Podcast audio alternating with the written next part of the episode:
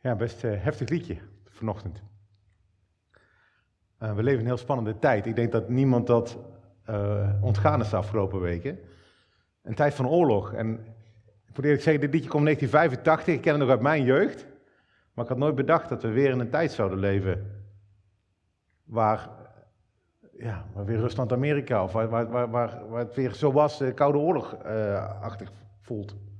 Ik dacht dat we de Berlijnse muur, nadat de Berlijnse muur gevallen was in 1990, dat we deze tijd achter ons gelaten hadden. Maar hier zitten we hier. En het is een liedje van Sting en je kan de namen vervangen. Khrushchev wordt Poetin en uh, Reagan wordt Biden of zo. Kan je weer gewoon vandaag de dag zingen. Wat je misschien ook opvalt in de media, is dat er heel veel gesproken wordt over goed en slecht. Poetin is slecht. Zelensky, president van Oekraïne, is goed.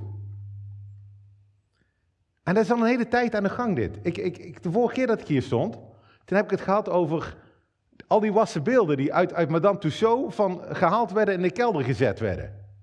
En daar zijn ze, daar zijn ze heel druk mee bezig, hè? want iedereen moet in één gecanceld worden. Want die mensen zijn slecht.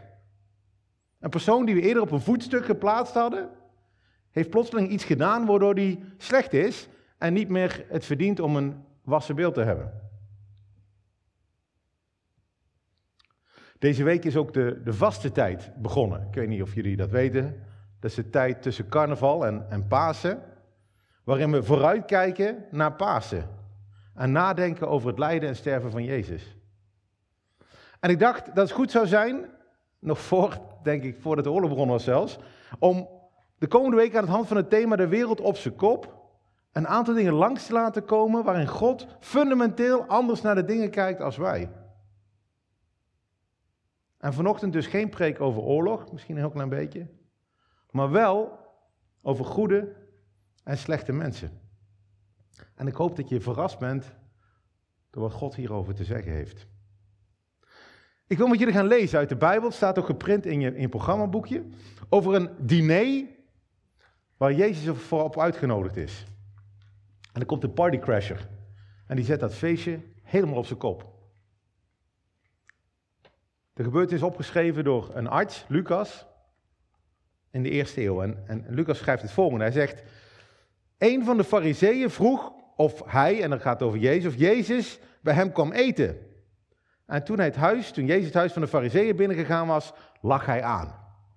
Dus even contextualiseren, een, een fariseer is een, een wetgeleerde. Iemand die al vanaf de hele dag eh, de wetten van God aan het bestuderen is, die bezig is met geloven, religie, vrome mannen.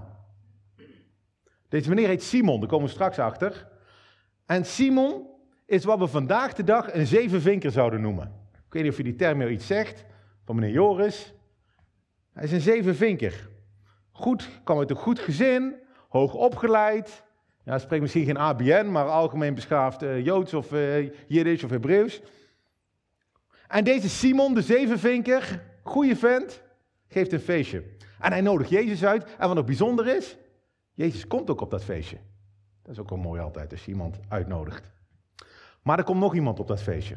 Iemand die niet uitgenodigd is. Zie, een vrouw in de stad die een zondares was, kwam te weten dat hij in het huis van de fariseer aanlag. En ze bracht een albasten fles met zalf mee. Een vrouw uit de stad, die zondares was. Ze heeft niet eens een naam. Maar ze was een zondares. Wat zou ze gedaan hebben? Staat er niet. Maar ze was niet uitgenodigd voor dit feestje. Ze kwam erachter dat Jezus hier was en ze crashte het dinertje. Ze sneakte stiekem naar binnen. Stel ik zou een rij maken van mensen. Een hele rij. Liefst 100 miljoen mensen, of 100 miljard, de hele, de hele planeet. Maar dat is een beetje moeilijk om voor te stellen. Maar stel we maken gewoon een flinke rij met mensen en we zetten ze op volgorde van slecht helemaal naar goed. Stel dat doen we eens. Wie staat hier dan? Aan de slechte kant. Hitler, misschien meneer Poetin, hè?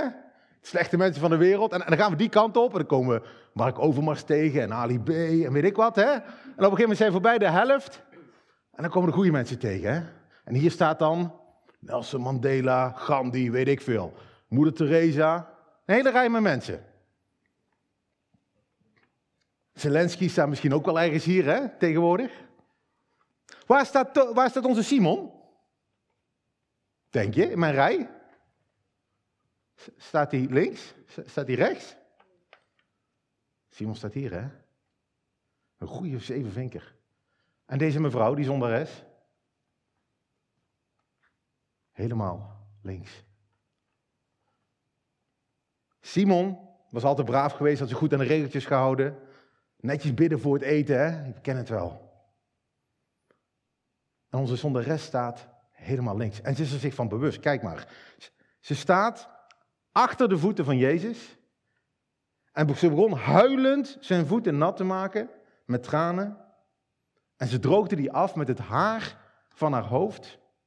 En ze kuste zijn voeten en zalfde ze met de zalf die ze had meegenomen. Ze zegt helemaal niks. Ze huilt over hoe slecht ze is.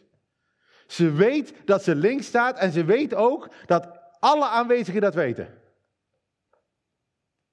Er is er eentje die lijkt het niet te weten. En Simon begrijpt het niet. Simon denkt, hoe kan Jezus dit nou niet zien? Toen de fariseer die hem uitgenodigd had dat zag, zei hij bij zichzelf, hij dacht dit, Simon, deze man, deze Jezus zou, als hij een profeet was, als, wel weten wie en wat voor een vrouw dat was, die hem aanraakt. Want ze is een zondares.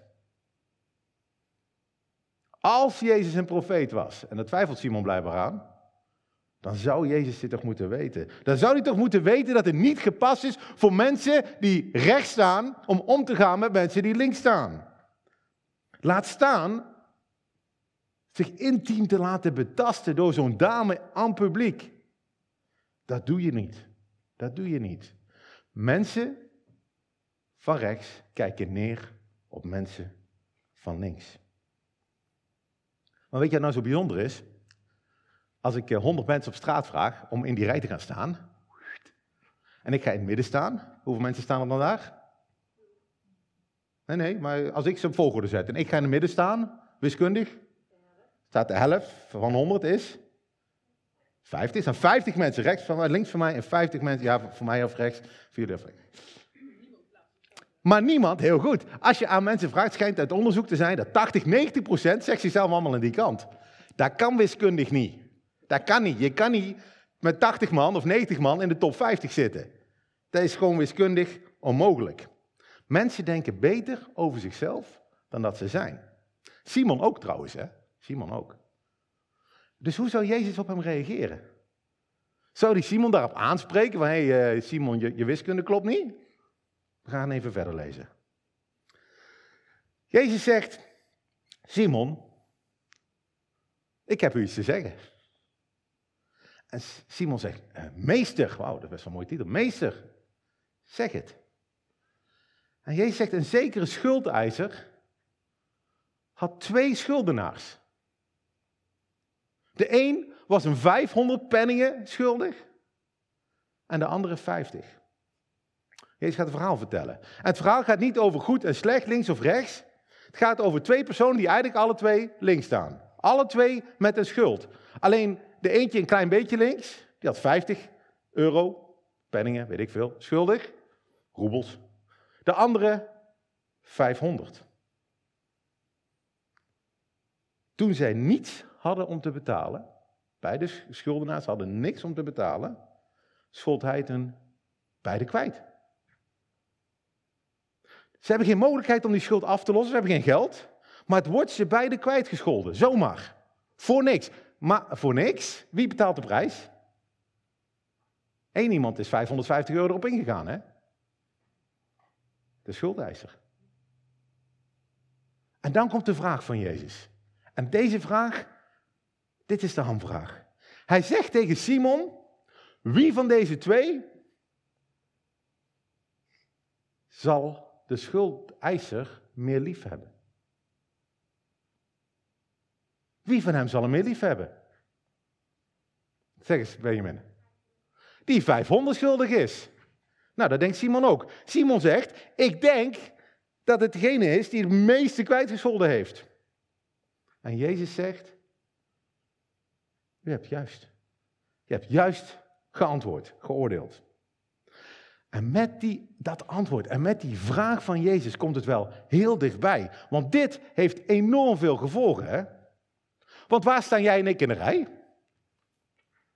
Ik, nou, zo slecht als Poetin? Toch niet, hè?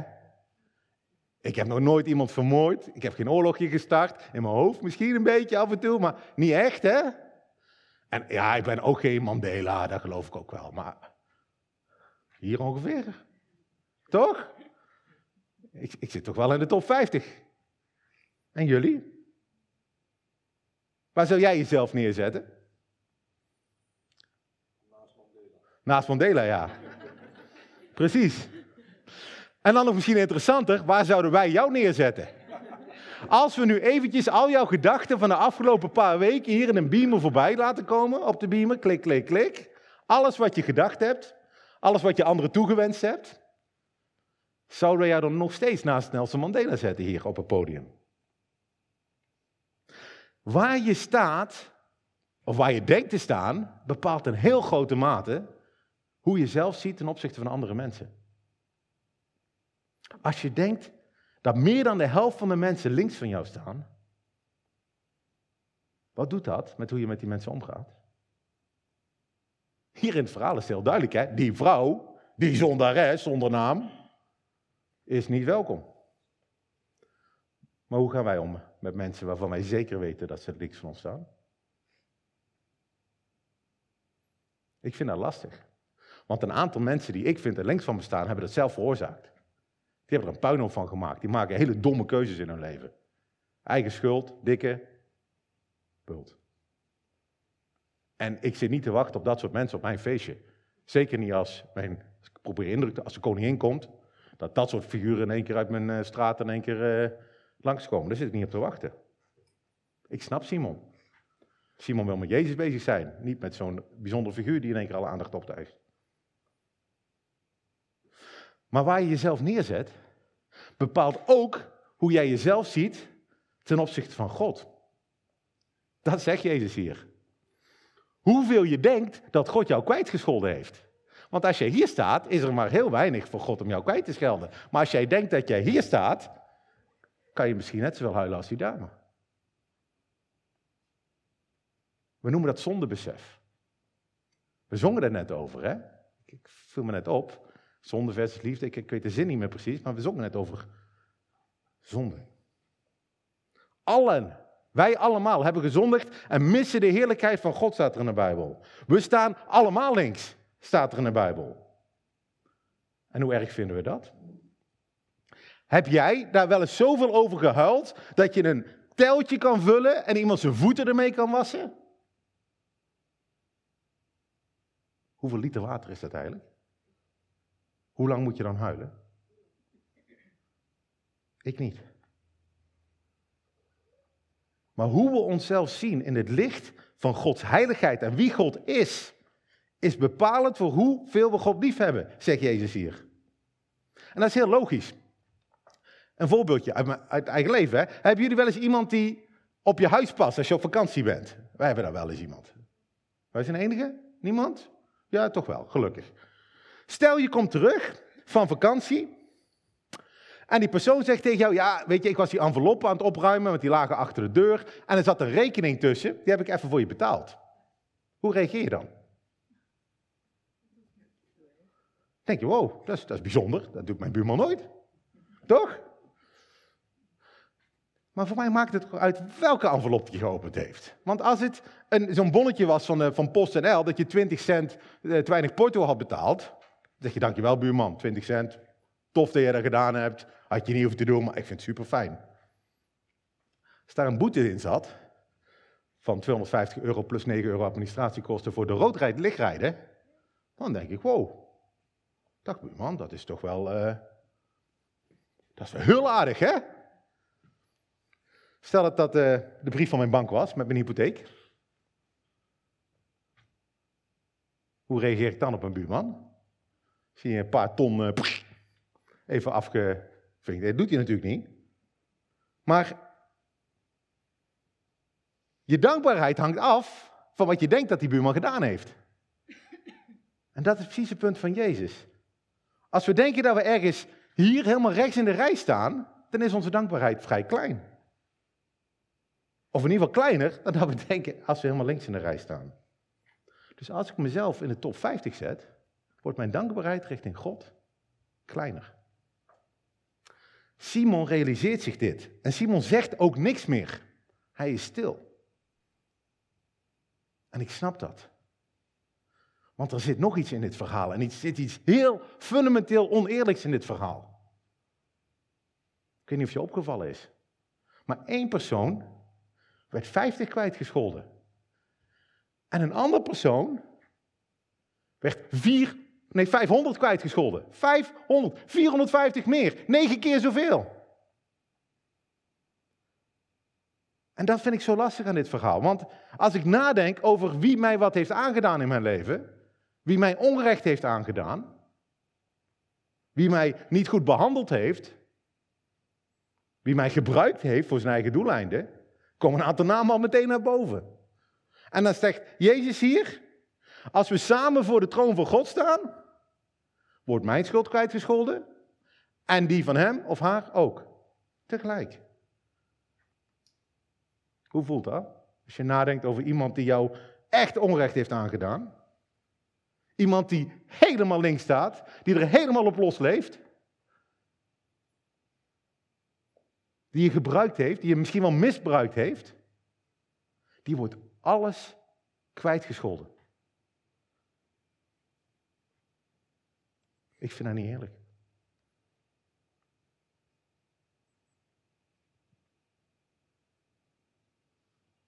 Dan heb ik nog slecht nieuws. Ik was nog niet klaar. Ten eerste is, we denken allemaal te positief over onszelf. Hè? Daar hadden we net al een beetje geconcludeerd. God weet als geen ander wat je motieven zijn en wat je gedachten zijn. Hij weet waarom je de dingen doet die je doet. En je zet jezelf misschien hier in het rechte rijtje. Maar als God onze maat zou, zou gebruiken, dan staan we allemaal oneindig ver links. En dan hoop je natuurlijk, ik kom naar de kerk om goed nieuws te krijgen, niet om slecht nieuws te krijgen. Maar dit is ook goed nieuws. Want als je dit realiseert, als je weet waar je echt staat in de rij, en dat is daar, met mij. Als je weet dat je eindeloos veel slechter bent dan je denkt, en God toch van je houdt, dan kan je dat loslaten. Dan kan je die hele maatlat weggooien. Dan kan je stoppen met jezelf beter voordoen dan je bent. Dan kunnen we hier bij de brug elkaar ontmoeten zoals ze zelf zijn. Met al onze tekortkomingen, met al onze positieve en al onze negatieve kanten. Hoeven we geen uh, toneel te spelen hier om ons voor te doen, een heel vroom voor te doen. Hoeveel mensen die we tegenkomen niet ergens weer op ons rijtje te plaatsen, maar kunnen elkaar omarmen als mensen die allemaal tekortkomen. Dat vond ik ook zo mooi aan dat liedje van Sting. Sting gaat niet zeggen, Khrushchev slecht, regen goed of zo. Hij zegt, we hebben allemaal geen monopolie op gezond verstand. Russen houden ook van hun kinderen. Hij vermenselijkt de Rus. Mensen net als wij. En we hoeven ons niet beter te voelen. We hoeven ons ook niet slechter te voelen. God weet waar we staan en we komen allemaal tekort. Weet je, in, in cowboyfilms vroeger, cowboyfilms, mooi, ik zei het bijna helemaal fout. Cowboyfilms, zo zei ik daar vroeger als kind. Ja, in cowboyfilms vroeger hadden de good guys hadden een witte hoed. En de bad guys hadden altijd een, een zwarte hoed. Was heel makkelijk. De Bijbel zegt, we hebben allemaal een zwarte hoed. Nou, dat is in ieder geval fijn, zijn we daar gelijk in. Maar de Bijbel spreekt ook over één iemand met een witte hoed. Benjamin? Jezus, heel goed. Eentje. Eentje met de witte hoed. En God bevestigt zijn liefde hierin, staat er. Dat Jezus met de witte hoed voor ons met de zwarte hoed gestorven is toen wij nog die zwarte hoed op hadden. Toen wij zondaars waren. Zo laat God zijn liefde zien. Je bent eindeloos meer geliefd dan je ooit durft te hopen. We hebben allemaal een schuld bij die schuldeiser. We staan allemaal in het krijt bij God, omdat we hem niet de plek geven die hij verdient. Hij krijgt niet de plek in ons leven die hij toebehoort. En we staan met lege handen. We kunnen, we kunnen niks teruggeven. Maar dan komt Jezus. En hij leeft het leven wat wij niet konden leven. Hij sterft de dood die wij verdienden. En hij staat op. Hij overwint de dood. Overwint de zonde. Hij betaalt voor onze schuld.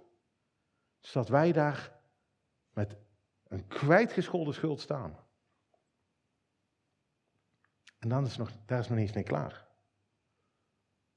Jezus zegt op het einde van het verhaal tegen de vrouw: Je zonden zijn vergeven. En dat heeft hij ook zelf gedaan. En dan zegt hij: Ga heen in vrede. En iedereen vraagt zich af: wie, is die man? Wie is die man dat hij hier rondloopt en zomaar zonde vergeeft? Want alleen God kan zonde vergeven. Maar die man, die Jezus, de man met de witte hoed, is de zoon van God. Hij scheldt niet alleen onze schuld kwijt, hij geeft ons zijn witte hoed. Hoe gaaf is dat? Zodat we met onze witte hoed kunnen verschijnen aan de tafel van God en kunnen zitten met God. Zodat we geadopteerd worden in het gezin van God. Met Jezus als onze grote broer en God de Vader als onze papa. En als je niks hebt met Jezus grote broer, als bruid van Christus, staat er ook in de Bijbel. Zo gaaf. Niet dat hij onze schuld kwijtscheldt, hij wil met ons trouwen. Hoe gaaf is dat? Dus als je denkt, deze slechte persoon naast mij, die is 500 euro schuldig en ik er maar 50, dat is niet eerlijk. Komt God, die scheldt de schuld kwijt, 50 en 500 euro, en geeft ons nog een miljoen erbij. Moeten we dan gaan piepen over een verschil van 450 euro? Wat maakt dat dan nog uit in het licht van de miljoen van een eeuwig leven samen met God in zijn heerlijkheid? God heeft niet onze maatlat, gelukkig maar. Hij zet ons niet op volgorde van hoe braaf we zijn, alsof we punten kunnen verdienen door ons gedrag en hij ons daarvoor beloont. Weet je, we denken het wel iedere keer. Als ik maar ver genoeg naar rechts sta, dan gaat God meer van mij houden. Dan ben ik acceptabel voor hem. En daar komt omdat de wereld om ons heen zo denkt. Prestatie, punten verdienen, hoger opkomen. Maar dat is niet hoe God denkt. Dat is niet het goede nieuws wat we hier iedere zondag mogen verkondigen. Bij God is de wereld op zijn kop. Het goede nieuws is, God houdt van je. Wat je ook doet, wat je ook denkt. Sterker nog, ondanks wat je doet en denkt. Jezus stierf voor ons, stond er net, terwijl wij nog zondaars waren. Toen we helemaal links in het rijtje stonden. En God wil vader voor ons zijn. En iedere papa hier, die weet hoe dat zit. Stel, ik zou mijn kinderen op volgorde zetten. Dat doe je toch niet? Maar stel ik het zou doen. En dan tegen, tegen ze zeggen, als jullie braaf zijn, als jullie de hond uitlaten, als jullie niet om vier uur s'nachts mij uit mijn bed bellen, dan dan ga ik van jullie houden. Als je je kamer opruimt en de vaatwasser netjes in en uit laat, iedere dag. En lief bent voor de hond. En voor je broertje. Dan ga ik van je houden. Dat zou toch verschrikkelijk zijn als ik dat als papa zou doen. God doet dat ook niet. Hij zet ons niet op een of andere lijn. God houdt van Simon. God houdt van de zondares. God houdt van mij en God houdt van jou. Hij heeft meer dan genoeg voor iedereen hier. Hij wil onze papa zijn. Hij scheldt onze schuld kwijt die we hebben.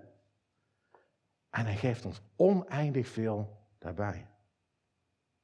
En laat dat vanochtend tot je doordringen. Dat op zijn kopse wereld van God. Hoeveel je van hem gekregen hebt, Hoeveel het hem gekost heeft en hoeveel hij van je houdt. Ga je niet beter voelen dan een ander, want daar ben je niet. Vraag God om je te laten zien hoeveel hij van je houdt.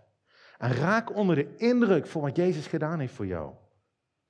Aan het kruis. En zeker de komende 40, het zijn er nog 35 denk ik, dagen richting Pasen.